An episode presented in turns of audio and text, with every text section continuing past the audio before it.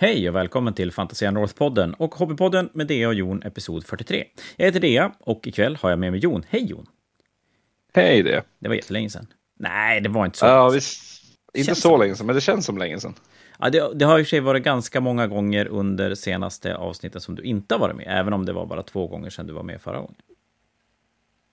Det stämmer. Det Men stämmer. nu jävlar. Nu är jag här. Nu jä... Och nu har vi så, vi har så tänkt och vi har så, så mycket, så mycket vi måste ta upp.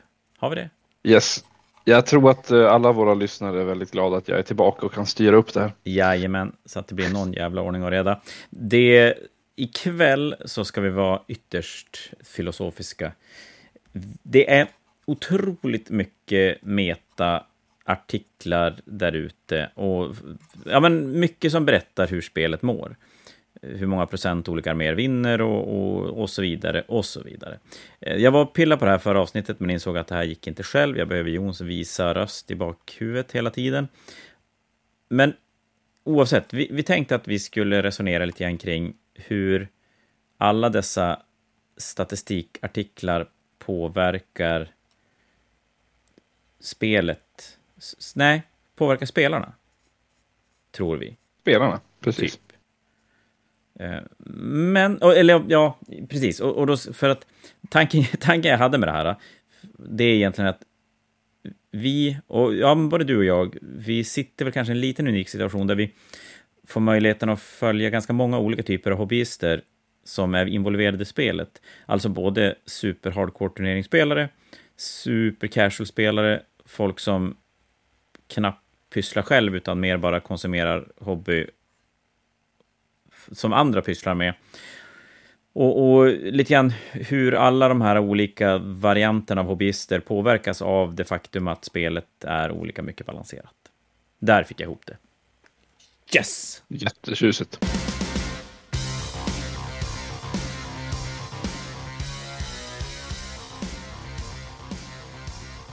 Då undrar jag det, eftersom jag har varit borta ett tag eh, så har jag ju typ tappat bort vad du sitter och målar med.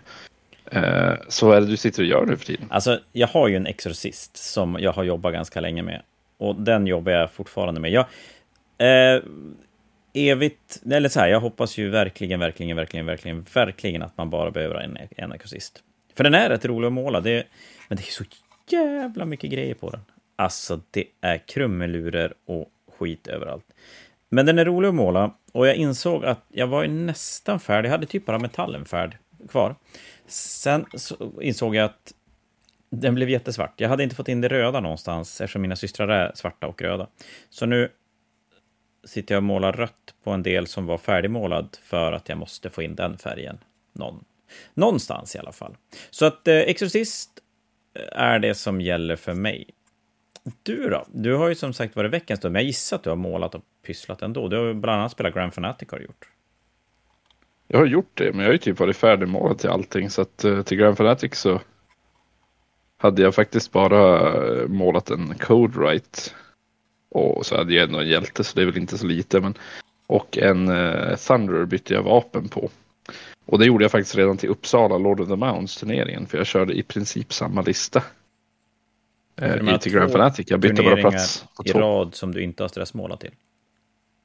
Ja, visst är det fantastiskt. Ja, det är rätt sjukt faktiskt. Alltså, jag har blivit vuxen nu. Ja, vuxen eller gammal? Det beror på hur man ser på saken. Båda två antar jag. Eh, Det andra jag sitter, det jag sitter och gör nu faktiskt är ett helt, en helt ny grej. Jag sitter faktiskt med ett nytt projekt, nytt spännande projekt. Eh, Jag ska äntligen ta mig för att göra en ny Sylvanet-armé. Alltså, det är ju inte sunt. Alltså, det är ju inte... Jag vet inte. Var, varför gör du en armé du redan har? I don't get it. För att eh, den här armén eh, ska inte se ut som någon har tappat den på grusgången eh, utanför Dragonskolan. Hade jag tänkt. Det gjorde väl för sig... To be fair, det gjorde inte din armé innan du tappade på grusgången.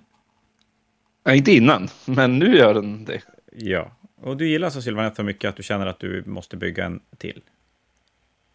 Eh, delvis, ja. Jag gillar Sylvanets sättet att spela. Nu tror jag ju att armén är ganska sämst. Eh, men eh, det får väl vara. Den kommer säkert bli bra någon gång. Eh, jag tyckte det var lite lustigt att ha sett eh, GV skriva Sylvanet-böcker genom, eh, genom historien eftersom jag började spela dem direkt när de kom. Alltså första gången de någonsin fanns i, i Age of Sigmar och då var de ju knäckehårda. De var ju så bra så det fanns inte på kartan. Och sen är de Eh, och sen dess har- också. Ja, precis. Men sen dess har GW bara nerfat dem. Och det tycker jag är jätteintressant. De, de har ju till och med nerfat dem. Jag minns boken som kom innan den här Sylvanet-boken. Den försämrade bara allting i hela boken. Och det är inte så man säljer figurer det. är. Man måste ha en power creep, eller hur? Ja, lite power creep i alla fall. Eller Alternativt en väldigt stor förändring i hur armén spelas. Men Jo, precis. det finns ju vissa arméer som de har väldigt svårt att hitta hem med, tycker jag. När de inte riktigt Mm. känns som att de inte vet vad armén ska göra. Nej, precis, precis. Nu tycker jag de hittade en jättebra armémekanik för Sylvanet. Men, ehm, men jag vet inte om de har hittat riktigt enheterna till det. Eh, men det finns ju en bra bild med Sylvanet. Det finns ju Sylvanet som har gått bra så, så det funkar ju. Men, men jag känner inte att alla enheter har hittat riktigt hem Alla tre som du enheter. säger. Ja, alla tre enheter. Sen har de ju ganska få och jag tycker att det är en väldigt det finns, de har som ingen mellanenhet. De har enheter som är billiga och inte slår ihjäl någonting. Och så har de enheter som är superdyra och slår ihjäl allt och tål allt. Men de har som inget mellan, förstår du vad jag menar?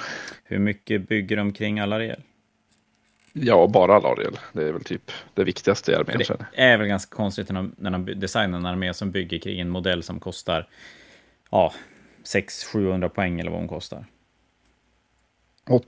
jag. Till och med det. 820 tror jag det är. Och det Nej, hon är ju inte gratis. ju lite problem, tycker jag. Jag tror, jag skulle säga det också. Men om jag får bara berätta om mitt målarprojekt. Det jag gör nu är väl lite terapi för mig själv kanske man ska säga. Jag, eh, jag sitter och bygger eh, arakneor. Som eh, som syrra min med. Och för er som inte är bevandrade i grekisk mytologi så kan jag säga, den här dyker ju faktiskt upp i flera mytologier i och för sig så det är inte bara grekiskt. men, men det är alltså en, en typ av kentaur kan man väl säga. Eh, Fast det är en kvinna som har en underkropp av en spindel. Och det är ju ett rejält projekt, I guess. Det är ett rejält projekt. Eh, Där, därav det att jag beställde Spider Riders och eh, en Arachnarok av dig. Ganska nyligen. Ska du bygga Alariel i samma stuk då också, eller? Jajamän, så det blir en stor kvinna på en Arachnarok underkropp Det basically. blir ju Al- Alariel, originalmodellen, som eh, överkropp då, eller? Kanske. Eh, jag vet inte hur stor hon är i förhållande till det jag behöver. Det är antingen hon eller eh, möjligtvis Laukavai. Om jag vill spara lite pengar. Är inte Lakowai mycket, mycket mindre? Jo. Ja, alltså egentligen inte. Alariel är ju inte så stor, eller hon är ganska stor i sig själv, men, men Laukavai är ju, eh, jag tror hennes överkropp är något större än Alariels Tror du? överkropp faktiskt. Ja, jag tror det. Jag tänkte ändå Men jag har inte gjort en jämförelse. Jag tänkte ändå att du skulle behöva ännu större för att det skulle funka. Att du skulle behöva ta typ en keeper och bygga. Ja, det var ju också min, det är min backup-plan att jag måste ta en keeper, klippa lös armarna och för, göra nacken smalare och göra ett nytt huvud till det. Men det, det är ett framtida Jons problem ifall det kommer till det, tänker jag. Just nu har jag konceptet i huvudet. Och jag har köpt eh, Yorogomo från Malifaux. Tyvärr så har GV ingen bra spindelunderkropp i rätt storlek, har jag märkt.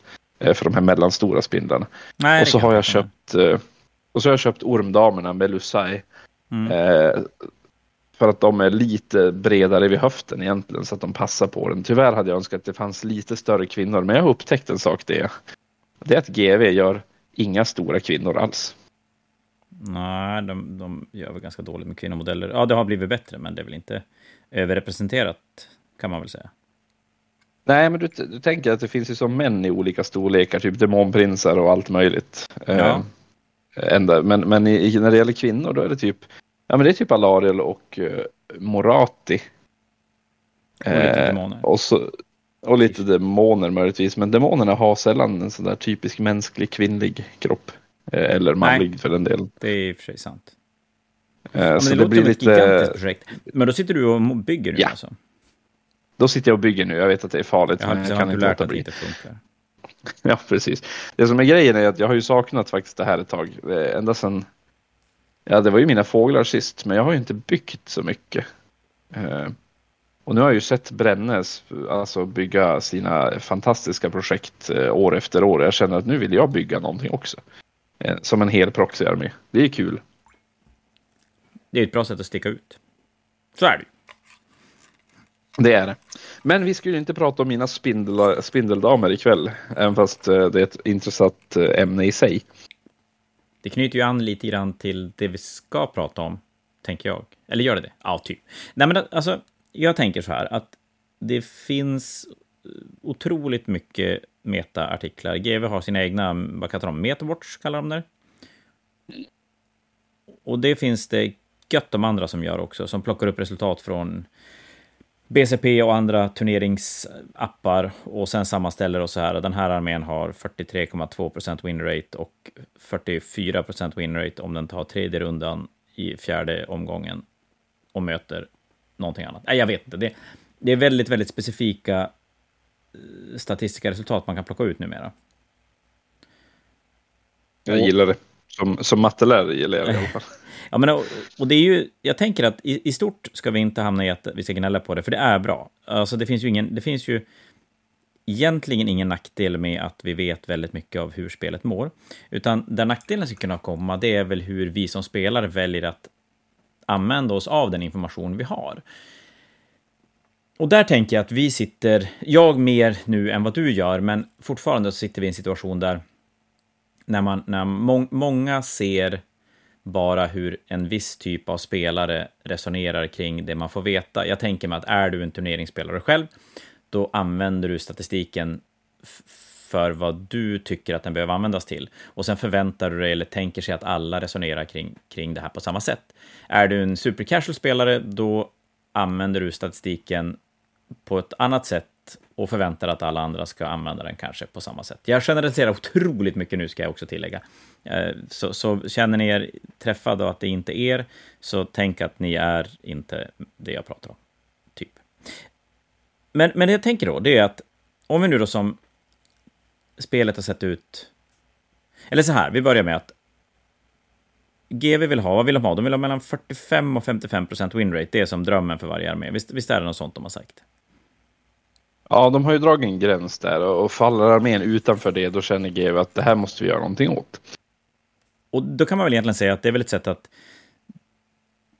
ta tempen på spelet. Hur bra mår 40K och Age of Sigmar här och nu?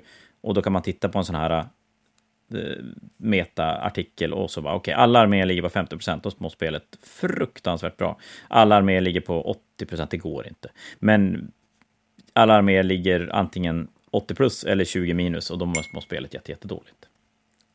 Det ska sägas att vi pratar bara 40K Age of Sigmar nu. Punkt. Det är för det är det vi kan. Det det vi kan och det är där det finns tjänster som tillräckligt mycket för, data för att kunna, kunna resonera kring det. Men i alla fall, eh, så att för GVs sida måste ju vara fantastiskt bra att kunna titta på en sån här och se, okej, okay, Eldar vinner 70% av matcherna. Lite för bra. Solblight vinner också där någonstans, 70 procent. Och det är också lite för bra. Så där måste vi göra någonting. Och Våtan eh, är kiss och vinner ingenting, eller, eller eh, Oric Warclan vinner ingenting och då måste vi göra någonting åt dem istället. Så, så där är allting frid och fröjd och, och jättebra. Men då tänker jag mig hur vi som spelare väljer att använda den här informationen vi får. För jag hör ju ganska många som tycker att ja, men jag kan inte spela den här armén för jag kan inte vinna, för den har bara 40 winrate. Men hur, hur relevant är det för väldigt många egentligen? Helt ärligt så är ju 40 procent eller alltså vilken winrate du har. För de flesta spelare är ju ganska irrelevant. Eh, Eftersom det tittar ju på ett större, det tittar ju på en stor mängd turneringsspelare och det tittar ju också på alla turneringsspelare. Eh, mm. Oavsett hur, vilken nivå de befinner sig på. För det, det är också det, det, som är så lustigt med all den här statistiken. Eh, man måste ju veta vad det är man, man tittar på för att kunna tolka den. Vi kan ju inte bara säga, titta på metawatch-statistiken och säga så här att ja men så här dåliga är den och den armén. Eh, För det kan ju vara så att en armé som har ganska dålig winrate är ändå en bättre armé för att den är uppe och slåss på toppborden. Men får stryk där. Om du förstår hur jag tänker.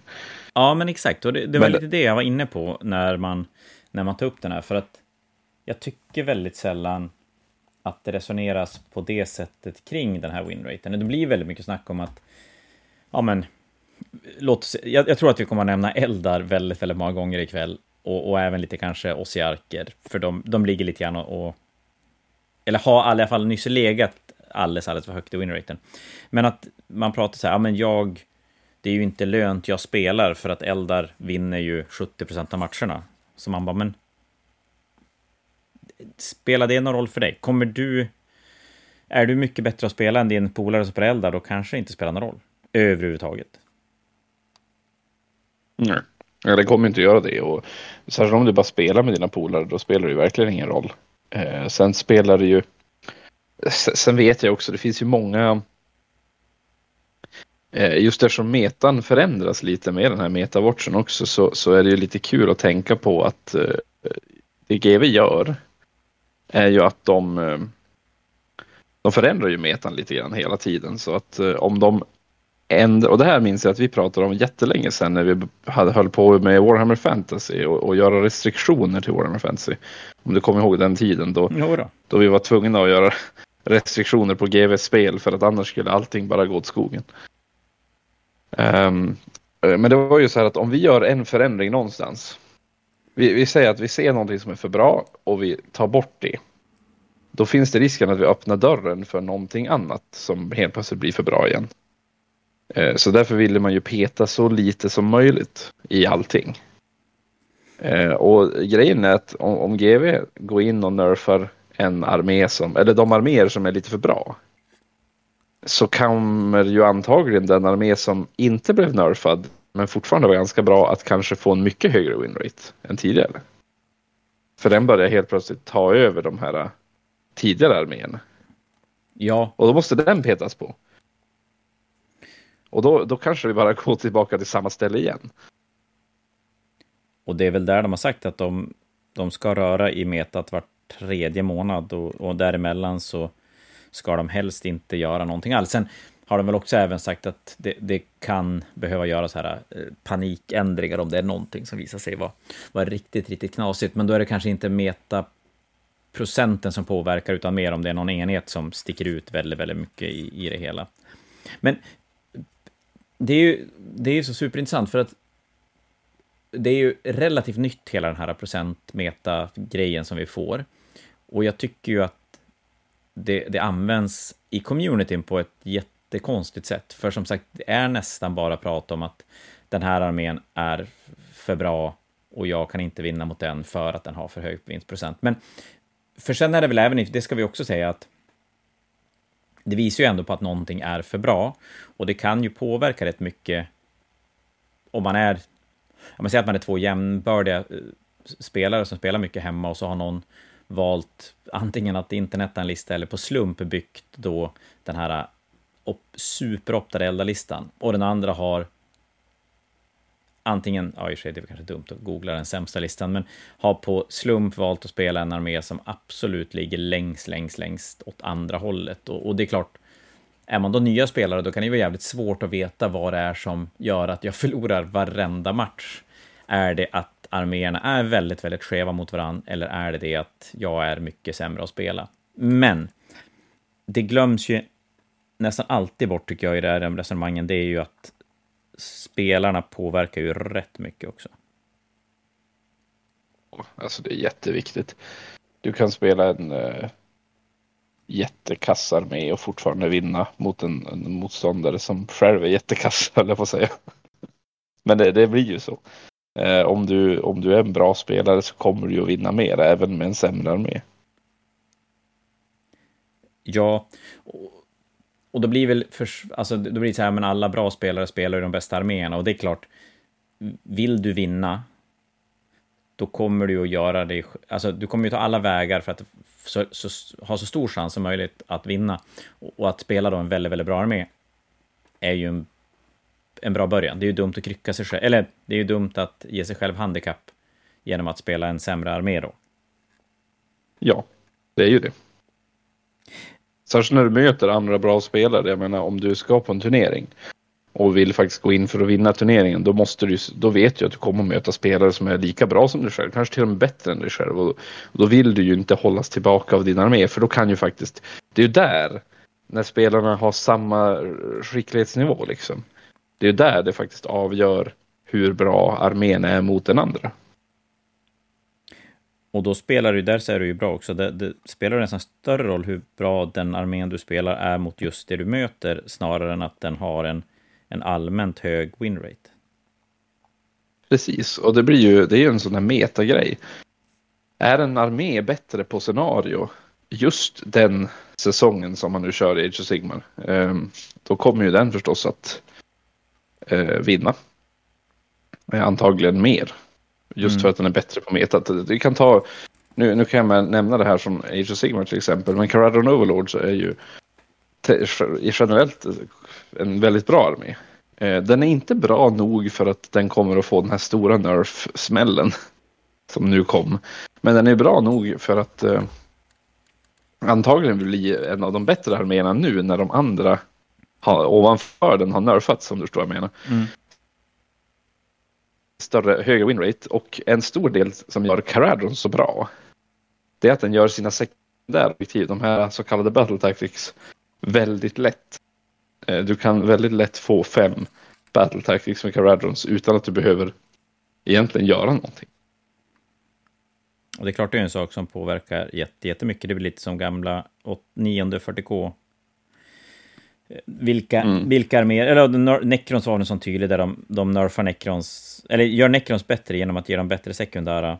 Och helt plötsligt blir det helt jätte, jättebra för att de får sådana otroligt lätta sekundära som motståndarna nästan inte kan, kan påverka. Ja, precis. Och då, då tar de ju så lätt poäng. Och då vinner de mycket. Då behöver de en egentligen inte vara särskilt bra överhuvudtaget. Men den tar ju poängen och vinner. Mm. För det är som skillnad på en, vad är en bra armé också. För det är någonting som den här statistiken inte riktigt säger åt oss. Det är ju antingen att okej, okay, armén är så bra för att den bara total dödar motståndaren. Ja. Eh, så du, du, kan, du kan ju ha en armé som bara total dödar motståndaren och så vinner du. Eller så har du en armé som eh, bara får automatiskt poäng genom att spela patiens med sig själv. Eh, och då spelar det ingen roll om den blir död eller inte för den kommer ändå vinna på poängen.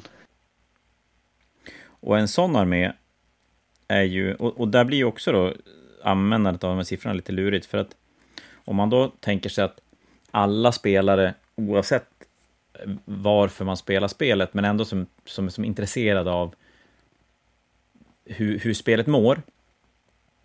En armé som bara går in och dödar motståndaren och, och bara vinner på grund av att motståndaren har gubbar kvar, det är ju ett större problem, tycker jag, än en armé som spelar spelet väldigt, väldigt bra, för det är ju mycket, mycket svårare och där kommer ju fler spelare att, att gå på miner, för de klarar inte av det helt enkelt. Och så blir det också roligare spel. Jag tänker den aspekten tycker jag är också viktigt att, att det ska bli kul att spela. Och det blir ju inte roligt att spela om, eh, om du bara blivit borttagen från bordet och inte får göra någonting. Nej, det är faktiskt sällan speciellt kul. Det har du alldeles rätt i. Ja, det vet du mycket om, va? eller hur det är? Jag vinner bara. Typ. Typ. Jag tycker att yes, vi lämnar har... det. jag tycker att det, är en typ. helt, det är en helt annan eh, debattgrej. Det är en helt annan poddavsnitt alltså. Hur mycket jag vinner? Oh, faktiskt, ja, systrarna lär Det är alltså winrate. Ja, jag tror systrarna lär inte ge mig jättemycket winrate på tal om arméer som har lite mm. taskig winrate på, på metaartiklar. Vet du, det skulle ha varit en mycket roligare artikel. Umeås Metawatch där vi kollar alla Umeå-spelare och deras winrate. Och helt plötsligt Imperial Fist det bästa som finns och helt brutet och måste nerfas. Det blir ju... Ja, jo, Tyranidan är, säm är sämsta armén för att någon ja. spelar dem. det, det, ja, men där är det ju så spännande och det skulle vara ganska kul att höra. Jag tycker att vi har det lokalt här. Hur många som man vet när man pratar med dem att ni, ni är inte berörda av den här att Custodes eller Eldar har x antal för mycket win-procent för att antingen så spelar ni inte alls, utan bara resonerar och tittar på. Eller så spelar ni på en helt annan nivå och av ett helt annat...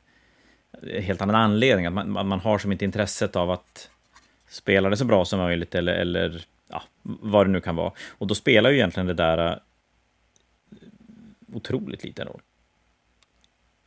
Tycker jag.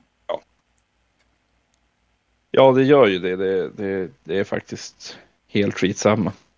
Eh, för många är den här metawatchen egentligen helt skitsamma. Det kan ju vara kul att titta på, men jag menar, eh, den, den, spelar ju till exempel väldigt lite roll för mig. Ja, för mig också. Noll roll. Alltså i mitt eget spelande och, och min egen mm. hobby så är den ju ett roligt diskussionsämne, lite grann som vi gör nu, men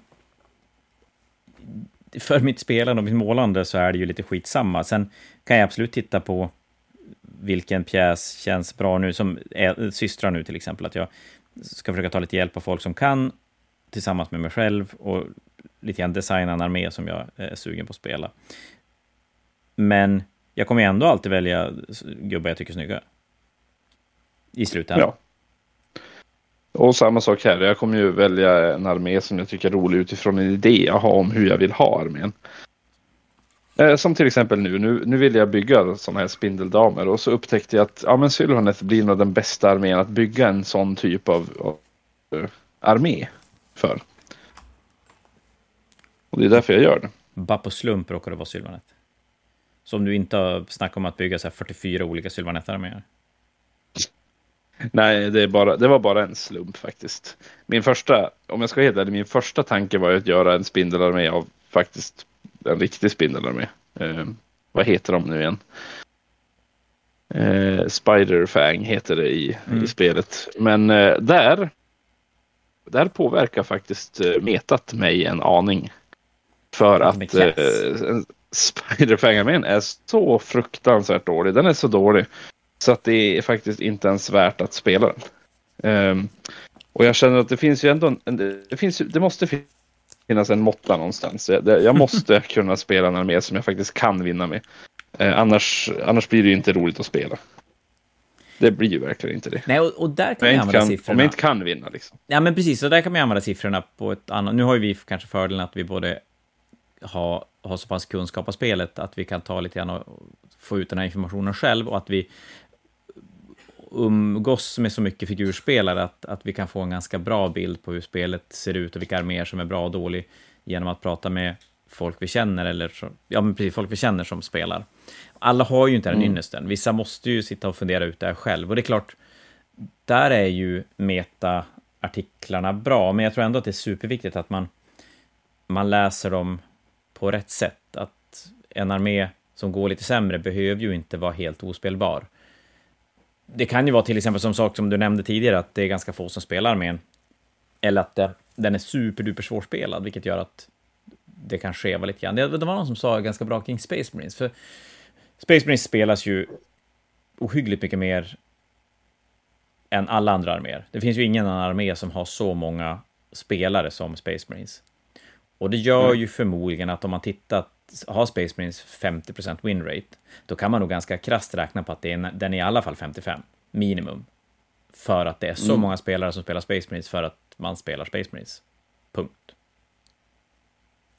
Det är någonting man gör, man spelar Space Marines. Ja, och, och då spelar det som ingen roll hur jävla dåliga eller hur bra de är, man spelar Space Marines. Mm. Det, jag genomgår en liten smärre ekonomisk kris i mitt huvud just nu. Att du har byggt världens fått... dyraste armé eller? Ja, nu, nu undrar jag om det här faktiskt blir världens dyraste armé. Dels för att nu har jag vridit och vänt på de här ormdamerna och upptäckt att de är för små för spindelkropparna. Det går bara inte. Okej. Okay. Det ser för dumt ut, jag kan inte göra det. Och då börjar jag titta på alternativ. Och så inser jag att om ändå stormcast, kvinnliga stormcast, om de ändå... Om det fanns en variant av dem som inte var så fullt beplåtade. Så skulle de nästan kunna vara en bra storlek. Finns det de då? Men. Nej, det finns ju inte. Eh, så mina alternativ jag börjar titta på nu, det är att jag... Det här är det billigaste av dem. Fast också en av de svåraste, skulle jag säga. Det är att jag tar Fiends. Okay. Fiends of Slanesh. Yeah. Och så skulpterar jag om deras överkropp. Jag vet inte om du har sett Fiends of Slanesh eh, ja, överkropp. Eh, men de har basically ingen mage, utan det de har är bröst. Basically. Ja, jo. Deras magrutor är Eh, typ... på vänster. På, ja, precis. det är exakt det det är. Så jag skulle behöva skära bort det och, och, och bygga faktiskt en riktig mage åt dem. Eh, och använda dem som spindelöverkropp och sen hitta något kvinnohuvud som är stort nog för att passa de här eh, överkropparna och så förstås göra händer av krabbklorna. Så det är, ett- det är ett projekt i sig självt. Mm, ja, Och du känner ju mig, det- jag är ju lite lat. Ja, ja, det Du känner ju mig, jag är lite lat. Så jag, jag vill ju gärna är. göra det enklare för mig. Vad var det för annan lösning? Eh, Min andra lösning är, vet du vem Dexessa eller Synessa är? Ja, Mm. De sla- den slanesh-överkroppen är faktiskt ganska bra storlek för de här spindlarna. Eh, förutsatt att jag skär bort de här mellanhänderna, för de har ju som fyra händer. okej. Eh, tekniskt sett så skulle jag nog kunna behålla dem bara för att fine en spindel. Det är väl bara bra med fler armar antar jag. Men, men eh, det var inte så jag hade dem i mitt huvud, så jag måste nog skära bort mellandelen. Men jag vet inte om det är så vist av mig att köpa styck, eh, vad blir det, nio stycken eh, Dexessa. Eh, alltså, eh, den, den rimliga delen av mig säger ju nej. Den andra säger ju absolut, det är bara att köra. Men det är ju fantastiskt jävla dumt. Men det Ja, andra det går ju fan, alltså det där byggandet går ju inte, det blir för mycket. Vad fan, hur många, hur många spindelryttare ska du ha? Nio stycken. Nio stycken. Men är det ens rimligt att tänka att man kan bygga det? Alltså, Ja, alltså om jag hittar en bra kvinnoöverkropp liksom. Det var ju det som var problemet, det här med att hitta en, en bra. För att, som sagt, GV, de, eh, de är lite dåliga på, på kvinnor i olika storlekar. De har mest bara kvinnor i 32 mm skala. det är för ingen Eh, Dexessa kostar alltså grejer. bara 900 spänn. Mm. Dexessa kostar bara 900 spänn, så du som butiksägare måste sitta och jubla just nu. Och Ja, gud, ja det, det var den delen av mig som tyckte att det var en ganska bra idé, men det är ju ingen bra idé. Eller det ingen rimlig bra idé i alla men- fall. Nej, fast den, var, den, den kan potentiellt bli snygg. Men nu kommer, väl för, nu kommer jag ifrån ämnet lite grann. Jag var bara tvungen att, att eh, tänka. Jag får gulla med dig om mängdrabatt. Köpa ge Dexess och betala för en eller någonting sånt. Typ, det är ju fullt rimligt. Alltså, ja, vi, vi är klart vi kommer ifrån lite grann, men det är ju ändå kul att höra om dina jävligt dumma idéer. Ja, ja, den var ändå dum. Den är dum. Eh, om vi ska säga någonting smart däremot så kan vi ju fortsätta prata om meta-orchen. Och just det här hur lite betydelse den har egentligen människors liv. För även eh, inbitna turneringsspelare behöver nog inte ens, de, de behöver nog inte ens se det där. Egentligen. Nej, det är väl så att de här duktigaste, den, de duktiga turneringsspelarna behöver ju inte, de, de har ju koll och jag tror att för deras del så är det helt onödig information. För för dem handlar det om allting att hitta det bästa, de vill ju som vara före alla andra, tänker jag. Mm. Ja, de har ju som redan koll på det där. De, de är ju som, de, de, alltså, alla bra spelare jag känner, de sitter ju redan och säger ja men nu kommer nästa Metawatch nästa vecka och det här är det som GW kommer göra. Ja, men Och så är har ju GW gjort det.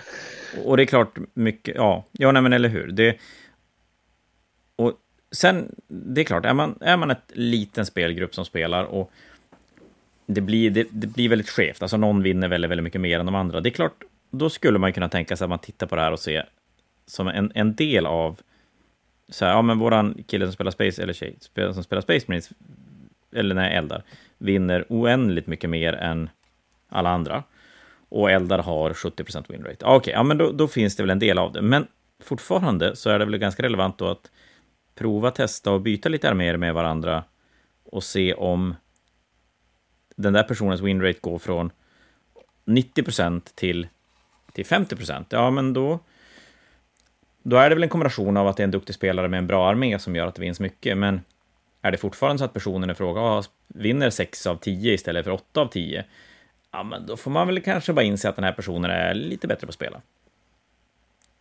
För det glöms ju bort. Mm. Alltid.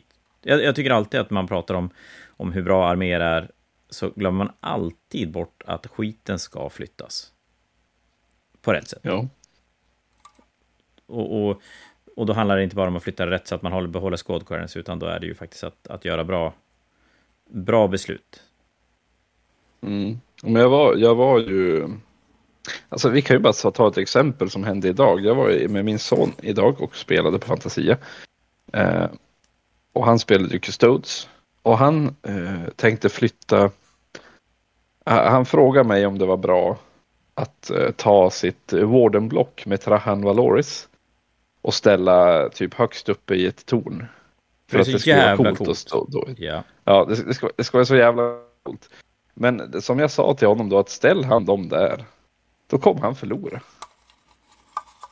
Ja, för att det är så det, det, spelet funkar. Alltså, står du på fel ställe vid fel tillfälle då kommer du förlora. Och, och grejen är att nog kan det vara coolt att Trahamalori står på högsta punkten på slagfältet och bara blickar ut över det. Men där uppe gör han ju faktiskt ingenting. Så alla hans poäng och alla, han, hela hans enhet, liksom, de gör ingenting. De håller inte ett objektiv, de tar inte några poäng, de dödar inga fiender eh, och fienden behöver inte ens skjuta på dem för de är så långt bort från striden så att de kan bara ignorera Trahan och hans grupp. Men satan vad koll han har på läget. Det går ju inte. Ja, men han har väldigt koll på läget. Men du förstår vad jag menar va? Så du står där, om du står där så är det som, då är det bara förlorat liksom. Ja. Eh, och det är ju så det här spelet funkar och det är som du säger, folk glömmer bort det. Eh, står du på fel ställe, ja men då har du förlorat. Och så där tycker jag väl att, att det blir lite skevt när, eh, om vi ska säga då, nu, nu, nu blir det lite internetknäll, men det får vi leva med att kanaler som, som tittar på just hur spelet är balanserat och så vidare. Och, och även då, och, om man kollar folk som kollar på mycket turnerings battle reports och grejer, för det är klart de kommer ju att se mycket ledarbord, de kommer inte se så mycket annat. Och, där tycker jag att fokus landar ju väldigt mycket i att de här arméerna, enheterna är för bra och det, jag tror att det pratas lite sällan, lite för lite om det faktum att ganska många spelare, en majoritet av spelarna skulle inte ens kunna få den här armén i närheten på den nivå som det verkar som att den är på, på turneringsresultaten. Nej, det skulle inte funka liksom. Ehm, det är ju så... Alltså det är ju så otroligt hur eh, hur det glöms bort att spelarskicklighet har så stor betydelse. Och det är verkligen, och det, det som är absolut viktigast, det är ju inte vilken som är bäst på döda eller något sånt det, som, det, det som är viktigast är ju hur man tar poäng.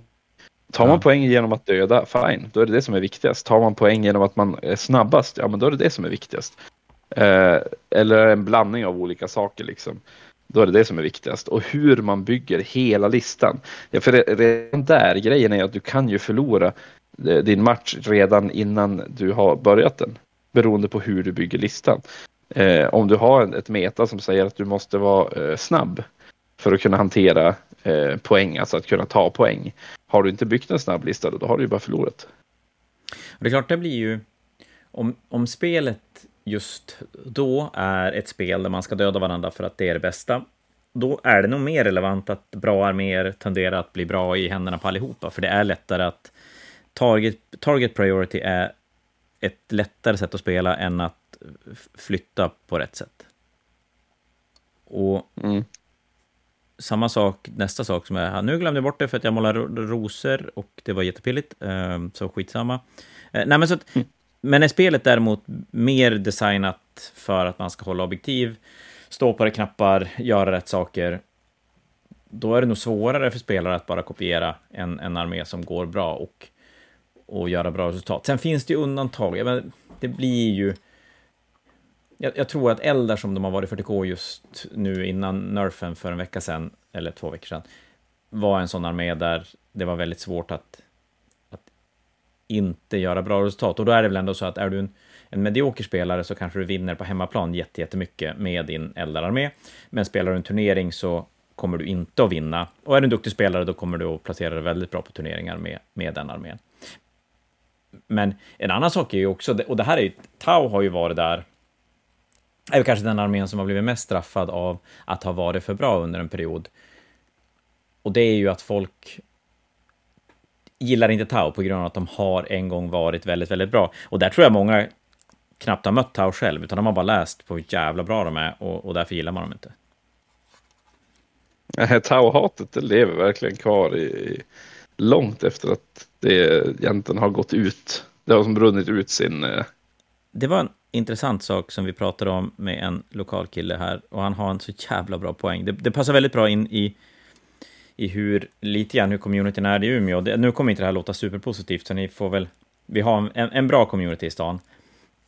Men det skulle vara spännande att veta hur det funkar på andra, hur det funkar på andra ställen med, med lite större community. Så det är det här, om en spelare har betett sig på ett visst sätt, så är det väldigt, väldigt, väldigt svårt att sudda bort det från sig själv. Till exempel om du är en sån som kanske har varit lite småfuskig i ditt spel eller varit tveksam i hur du, hur du behandlar vissa situationer och kan framstå som att man, man, man kanske töjer på reglerna eller sådär.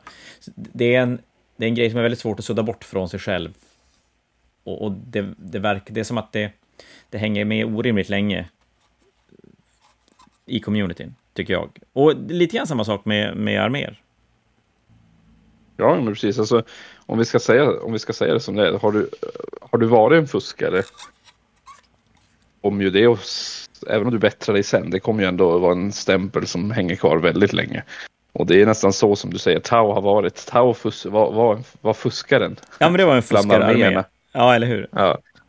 Uh, och det ryktet är som kvar. Men varför de, jag tänker Eldar har ju minst lika ofta varit helt jävla skogstokiga, men det är som att Eldar kommer undan mycket mer. Men jag tror att det är sättet, jag tror, jag tror inte det är bara det faktum att Tau var bra. Jag tror det är sättet att de var bra på. Alltså just ja. bara så här att nu ställer vi så här och så wipar vi motståndaren och så går vi och vinner i tur 3, 4, 5 för att ja, motståndaren finns inte kvar på bordet. Nej, men det, och, det, var, och det, det kanske var... har rätt i att det blir en sån armé som blir väldigt lätt att spela bra, vilket gör att alla som plockar upp en Tau-armé när de var som absolut bäst kommer att göra bättre resultat än vad de kanske borde kunna göra som spelare, för de, de borde inte vara tillräckligt duktiga.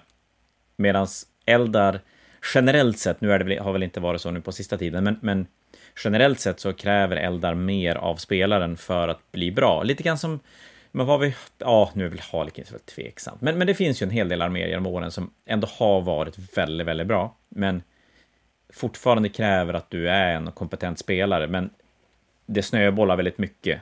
Är du bara duktig spelare, då, då blir armén fruktansvärt jävla bra. Mm. Och det är väl då, det är klart, för när Tau har varit bra, då har du ställt upp. Oh, när de hade formationerna med, med Ghost-killen och Stealth när, när man sköt alltid, räknade alltid att man sköt i rumpan på motståndarens armor. När, när det var så här, ja du tår 10 i bak, och så dog man av vanliga jävla Fire Warriors. Det var ohyggligt provocerande. Ja, och det var ju inte speciellt svårt. Nej, herregud. Det, det, det, det, det var ju som inte, du behövde inte ens alltså, gå runt fordonet för att vara i rätt sida, utan du sköt ju bara på den och så vann du. Och, och det är ju väldigt lätt, som sagt, target priority är inte supersvårt 40K. Eh, eller generellt sett är det kanske inte jätte... Det, det, är inte det, det är inte där det svåraste i spelet ligger. Och att rulla tärning är ganska lätt också. Mm. Ja, det är så synd. Det är så synd om Tau. För att ja. faktiskt, de har ju ändå... De har lidit ganska De har ju ändå bättrat sig kan man väl säga. Ja, absolut. Det, det är de är inte fuskare längre. Nej. Men det är lik förbannat hänger det kvar. Och, och, folk som... Där kan jag tycka man har folk som inte ens har mött Tau.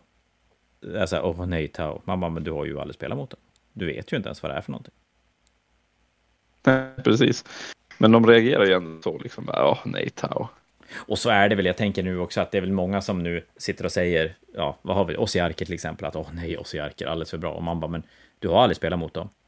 Du du är inte tillräckligt duktig på att spela för att du själv ska kunna avgöra hur bra de är, utan du har hört andra eller sett turneringsresultat som berättar att de är jätte, jättebra och sen du bara hänger på där. Mm. Och det tycker, jag, det tycker jag folk ska sluta göra. Ja, det, det håller jag med om. Det, det... Vet du vad det är? Nej. Det, folk, folk måste ju bara sluta tänka fel. Ja. Det är ju skitenkelt. Tänk, ja, det är svin, svinenkelt. Generellt sett kanske jag kan tycka att folk skulle bli duktigare på att skapa sin egen bild. Och kan du inte skapa din egen bild för att du inte har möjligheten att spela så mycket eller mot rätt motstånd eller vad det är, så... Lyssna på den här för... podden så ger vi dig rätt bild. Tror du, ja, just det. Vänta nu, sa inte vi att man inte skulle lyssna på andra? Okej, okay, då säger jag så här. Ska du lyssna på oss? Ja, eller hur? Var försiktig med hur du väljer att framställa det du tycker när du inte på något sätt har kommit fram till det själv. Blev det vettigt? Eller är det bara jag som stör mig på det där? Det kanske bara är jag. Nej, men det, det, det, stämmer. Alltså det, det, du, du, vet ju, du står ju på Fantasia och jag vet ju också hur det är. Liksom. Du, du, folk kommer fram till dig och så säger de någonting som de har läst på internet som att de har, lär, alltså, har kommit på det här själv. Men de vet inte ens vad de pratar om egentligen. Nej, och det, det, låter ju så dumt. Ja men det är precis det som, som gör, och där, där är, tycker jag, den här meta artiklarna och balansgrejerna en ganska stor del av det. Att, att man, man pratar som att man själv tycker att Eldar är alldeles, alldeles för bra. Och man har ju sett alla, man har sett och hört och berättat exakt, exakt vad som är för bra. Men när man inte spelar spelet själv tillräckligt mycket så absolut att man kan använda det som en, som en grund för att här, veta vad man ska tycka för någonting. Men att man bara bygger det kring det. Och det, det, jag vet inte, det är någonting i det där som jag... Ja, nej. Jag, jag, jag, har svårt för det. Väldigt, väldigt svårt för det. Och lite svårt att sätta ord på eh, vad det är och om det är bara jag som är gnällig. Men det, det är någonting där som blir fel. Nej, men du är inte gnällig. Det, det, där, det där stämmer ju. Helt klart. Och då har jag faktiskt mycket lättare med folk som inte spelar mycket eller inte alls spelar på den nivån och tycker saker. Eh, därför är det någonstans i alla fall deras egen. Eh, eller att man, man, man spe, spelar och, och, kan som säga att ja, men det här... Nej, nu vet jag inte vad jag ska säga. Skit i det här. Men, men ja, jag, jag har lite, lite problem med folk som inte då på något sätt kommer fram till det själv, utan man hör att det här är bara andras ord som du, som du berättar. Jag vet inte. Det, det, någonting där är det som, som inte lirar med mig riktigt. Så ni får du är nog inte ensam om det. Nej, jag, jag, hoppas det, så att jag inte bara blev superduper gnällig just för tillfället. Nej, det blev du inte. Eh, jag kommer att he sönder en fiend nu, bara så att ni vet, där hemma. Jag knäcker den på mitten, på den fåniga lilla ryggraden. Det är bra grej. Alltså, är det här döden på din slandersarmé, eller vad är det som händer? Nej, slandersarmén blir ju bara ett sånt där långtidsprojekt, du vet, som min Space Marine-armé. Fan vad bra att de var basic. bruten då. Så att de blir mycket dyrare allting. Var inte ja, faktiskt. Eh, menar du Space Marines eller? Nej, Slanners? Slanners. För det är väl de du har lidit mest av att okay. eh, Ja, så det är bra att jag blev, det blev billigare där. Men, eh, nej, menar dyrare, precis. Eh, så det löser ju sig lite med det med det. Men det är en sån där grej som kommer att ta så många år. Och jag, jag mysmålar, jag, jag mysmålar egentligen mina Slanesh. Precis som jag gör mina Space Marines. Om jag förväntar mig att jag ska hinna färdigt med Slanesh på en rimlig tid så kommer jag ju inte ha roligt när jag målar dem. Nej, det är så pass... Så därför, ja. Ja, men, men det är som Space Marines, det tog ju fem år. Ja, de blev ju färdiga. Men det tog ju lång tid. Jag tror jag gick ändå igenom typ tre arméböcker med dem innan de blev färdiga. Och två editioner. Ja, det är ganska dumt. Eh, men, så det är inte så dumt. Så nej. Är det inte större chans att du tappar sugen på Slanners under tiden? Jag tänker att det är en mycket mer spe speciell armé. Det är inte Space Marines. Ja, det är ju inte Space Marines. Jag, jag, tar väl en liten risk här, men jag kan ju också sitta och säga så här. Om jag ska ha det här Slanners-projektet som mitt huvudfokus under ett år. Då kommer jag ju, den kommer nog bli som mina Death Guard. Va? Eh, de kommer nog hamna i en låda i källaren och aldrig se dagens ljus. Förutom någon gång då och då när jag känner sugen på att på. Jag tar upp en modell, målar den och inser varför jag hatar att måla dem och så åker de ner i källaren igen. Ja, men Death Guard blev, det blev för mycket. Det funkar inte. Nej, och sen är det ju lite likadant. De har ju piercingar. Eh, nu, nu är det inte maggots överallt, men de har piercingar överallt istället och allt möjligt. Så att jag känner att jag måste ha någonting annat att sysselsätta mig med tillsammans med Slash för att det här ska gå. Så jag testar ett nytt sätt nu. Och då, då väljer du ett sånt där enkelt och, och, smidigt eh, projekt som bara är att sätta och måla lite grann, eller vad? Nej, det blir ett byggprojekt nu, men, men uh, jag tänker mig att det blir kul det också. Jag är faktiskt jättetaggad på den här armén. Um, Och nu när jag ser Fiends eh, framför mig så undrar jag hur ska det här gå? Det är så dumt. Oj, oj, oj. Nu råkar jag bryta loss ben A från den här. Det var trevligt. Ja då. Jag tror att det här skulle vara mycket enklare om jag hade Fiends på Sprue. Men, eh, Men det varför göra det enkelt för sig? Ja, det Nej, det har jag inte. Men du har inga målade, utan, eller plockar du från annan armé nu? Nej, alltså det här är Fiends som jag köpte av eh, en vän för typ tusen år sedan som jag bara har. Jag har summonat dem en gång när jag har spelat och sen insåg jag att de här var inte värda att summona. Så att jag tror inte jag Ja, kommer att okej. sakna dem till armén. Det, det är en säger så. Nej, det kanske man kan leva utan. Faktiskt. Mm. Tänker jag. Ja, det blir väldigt spännande att se om jag hittar armar som kan fortsätta de här. För jag har ju bara överarmar på de här. Eh, Från armbågen och ner så är det ju krabbklor. Så Men du har ju pratat om att göra spännande. olika eh, årstider till din Sylvaneth. ja, precis. Tidigare. Det här är dock inte en av dem. Vad blir det för årstid på de här då? Det här, de ska nog vara på typ vinter, fast deras vinter heter ju Evergloom. Och jag tänkte att det här skulle alltså inte vara vinter, utan det ska vara gloom. Så att det är mörk och, eh, mörk och jävlig plats. Hur ska du måla dem? Har du funderat på det eller? Ja, antagligen blir det lila och giftgrönt, bara sådär, du vet onda Disney-färger. Eh, för att man ska veta att det här inte är trevligt. Så vi hamnar nog någonstans där. Ska jag säga. Det låter ju fantastiskt, tycker jag. Ja, Det ska bli spännande Mm. att följa. Väldigt spännande att följa. Ja, det kanske tar slut redan ikväll för jag kan inte hitta en överkropp. Kort Vi får se. intensivt. Mhm. Ja, jag har mina, mina Eh. systrar. Det känns som ett långtidsprojekt. Men jag, borde, jag måste ta tag i det och försöka göra färdigt så jag kan spela någonting mer om det som är bra för att få upp lite pepp. Du borde spela mot mig det, jag vet du det. För att Det jag tycker ska jag ju, att vi kan lösa. ja, jag tänkte ju faktiskt fundera på, jag har ju faktiskt funderat på om jag ska spela 40K till eh, Fnatic nu i höst. Ja, men just det, den är ju, det är inte så länge kvar nu. Det börjar poppa in lite anmälningar nu, så att det börjar röra på sig. Vi hade Det är i... typ två veckor kvar. Eh, nej, men det är väl tre, va? Eller? Eh, inte när det här avsnittet släppts. Nej, just det, det är sant, för det här är en vecka bort. Eh, precis, det är två veckor kvar. Så vi har väl, när vi spelar in där har vi 26 40K-spelare anmälda och 19 Age of Sigmar-spelare. Jag tänker mig att när det här sänds så är vi kanske uppe i 70 40K-spelare och 25-30 Age of Sigmar-spelare. Ambitionen är väl, för nu, vi kom ut ganska sent med mycket av informationen. Och sen hade vi Grand Fanatic inte så himla långt före, så att det, det är väl så att vi kanske blir lite färre än vad vi brukar vara. Men, men 80 plus 40K-spelare känner jag känns bra. Och 35 Age of Sigmar-spelare skulle vara kul att få ihop.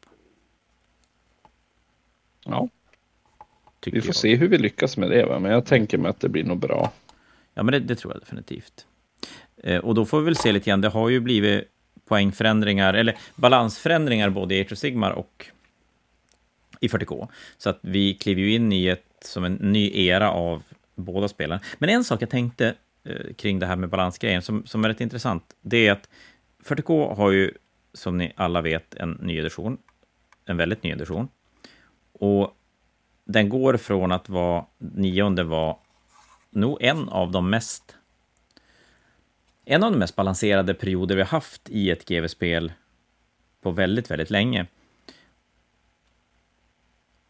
Och tionde kommer, alla kodexar ska göras om, det kommer indexkort istället och spelet är initialt extremt obalanserat. Inte så illa som det någonsin har varit, men eh, det är inte bra. Och här kommer ju ett problem med balans då, för jag tror ju inte att så många som pratar om balansen har råkat ut för den själv.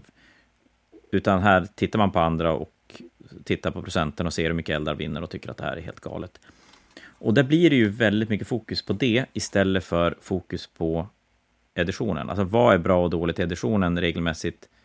För att vi vet ju att balansen kommer att förändras och GV behöver egentligen bara se resultaten för att lösa det. Eller, eller försöka lösa det i alla fall. Sen kan jag ju tycka att GV var alldeles, alldeles för långsam på 40K-sidan nu. Jag, jag tycker att den borde ha kommit två, tre veckor innan den gjorde. Men eh, det vet jag inte om det är på grund av att de inte ville släppa den i, just innan eh, Nova, Nova till exempel. För det är ju en stor turnering som påverkas rätt mycket om de skulle slänga ut en balansförändring alldeles innan, kanske. Ja, det kan ju vara väldigt eh, spännande.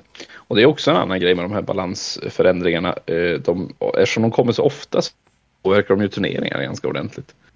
Ja, vi hade ju ett jätteproblem på Grand, för att de hade ju sagt att det skulle komma en, en balansuppdatering, och spelet var ju...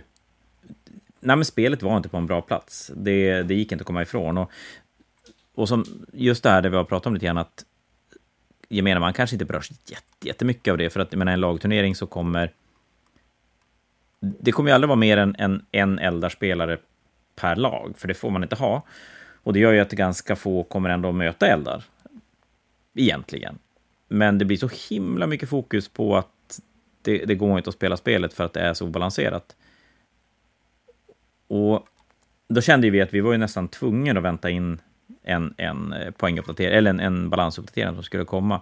Men eftersom GW fortfarande är ganska dålig på att vara tydlig i när, var, hur, gör ju att det, man fick som hela tiden dra på det och så bara, ja men vi skjuter på rules cut-off till nästa vecka, till nästa vecka, till nästa vecka.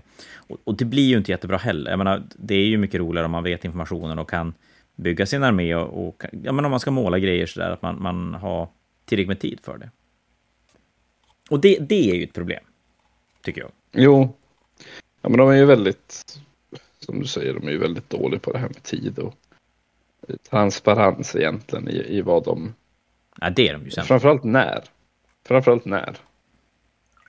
Eh, det, vad som, som händer att, och sådana grejer. Ja, men det, det är så konstigt, för att det är nästan så att de, de, de tycker att all information, eller mycket information är okej att berätta i förväg, långt i förväg. De kan visa bilder på grejer, de kan visa regler långt, långt, långt i förväg. Men det är ju releasedatum och pris. Det är som att det är jävlar om man berättar det för tidigt. Då exploderar världen.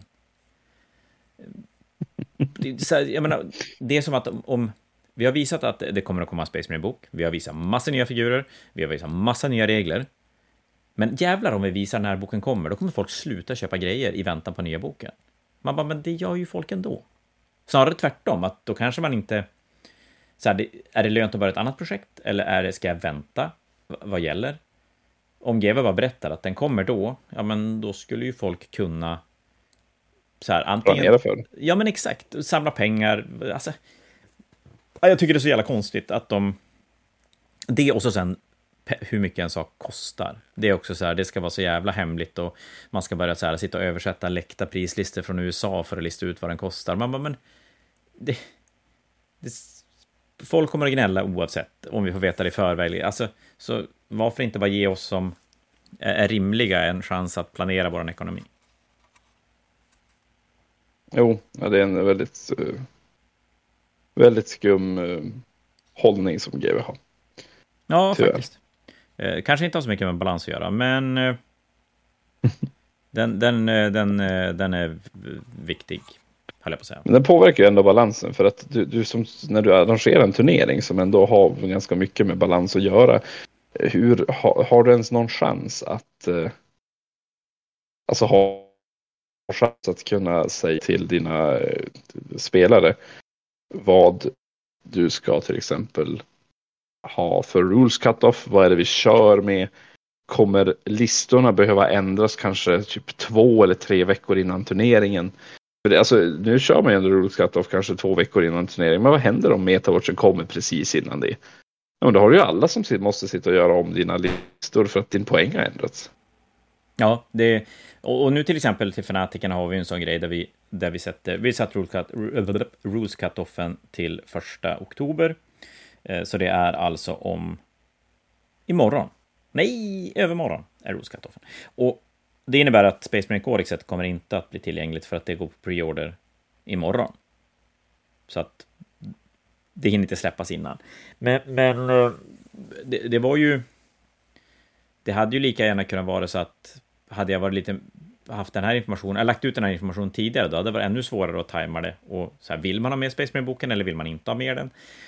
Det, det blir lite rörigt. Och när de ändå uppenbarligen tycker om turneringar så mycket så de gör det ju inte lätt för, framförallt vid mindre turneringar som inte de, ska vi säga, bygger sin release schedule kring. Jag, jag tänker mig att mycket av de här metartiklarna, och, eller balansförändringarna, de läggs för att inte hamna före Adepticon, LVO, Nova, de, de riktigt stora turneringarna. Men, och jag fattar att de inte kan ta hänsyn till alla små turneringar, men om de var lite mer tydlig med att det kommer att komma om två veckor eller tre veckor, då skulle man kunna ta hänsyn till det bättre. Ja, och det är som du säger, det är märkligt att de har den.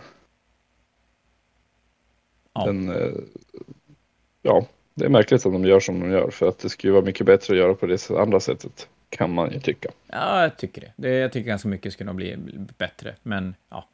Vad, vad, vad vet vi? Det är väl GV stående svar är väl att vi tjänar mer pengar än vi någonsin har gjort, så varför ska vi ändra oss? Mm. Kanske, jag har ingen aning. Men eh, oavsett.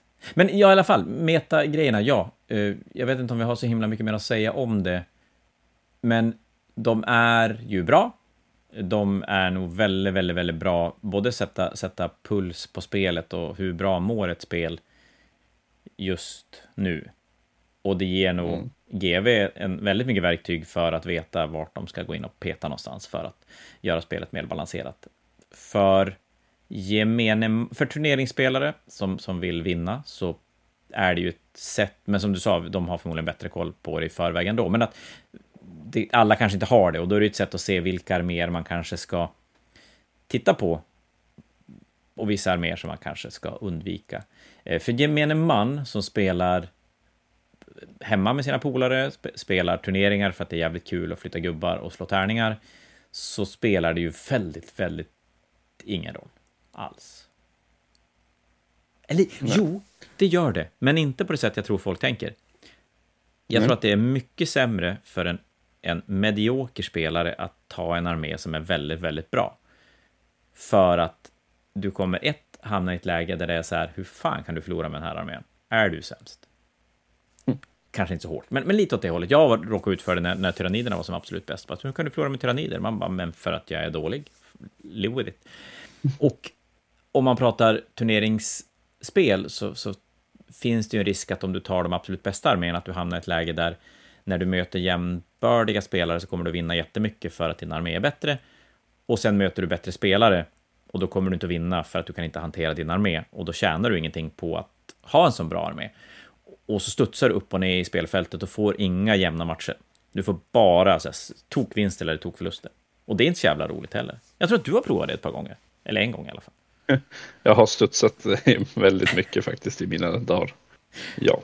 Och jag, jag, tror inte att det är det absolut roligaste man gör när man spelar. Det är nog roligare att få jämna matcher, så många som möjligt. Mm. Det roligaste är att vinna en match du håller på att förlora. Ja, faktiskt. Det, eh, ja, så är det. Eller vinna en match där man är lite nederlagstippad. Att här, man spelar då inom situationstecken en sämre armé och, och lyckas ändå bita ifrån. Mm. Det är också jävligt Det är kul. Så att, eh, nej men, jag tycker ju att de här om vi kommer tillbaka. De är bra, de är jättebra att de finns. Jag tror att de är superduper bra för spelet i stort. Men jag tycker Men... att ni spelare ska vara mer restriktiv hur ni använder den data ni ser. Eh, ta det inte som sanningar. Nej, jag tror vi ska också komma ihåg att MetaWatch är nog ändå bäst för GV.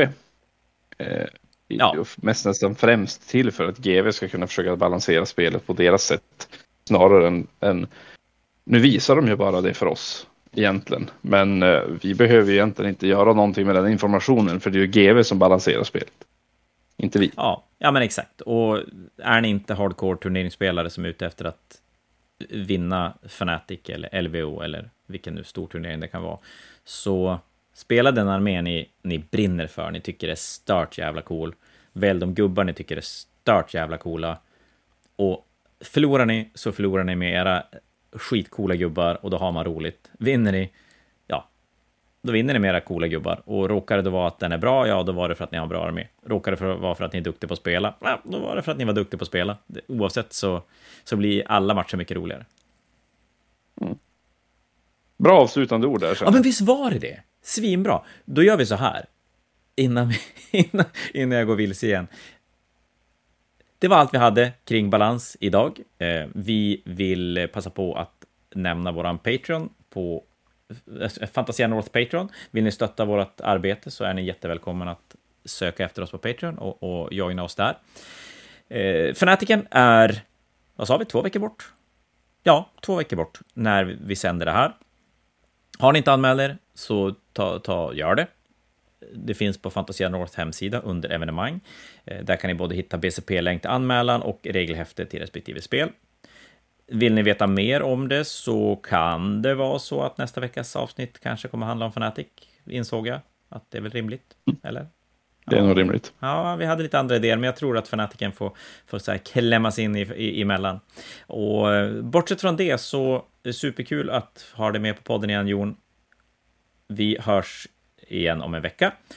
Och tack alla som har lyssnat. Som alltid så hoppas jag att ni har fått ut lite vettigt av vårt pladder. Vi är tillbaka som sagt om en vecka.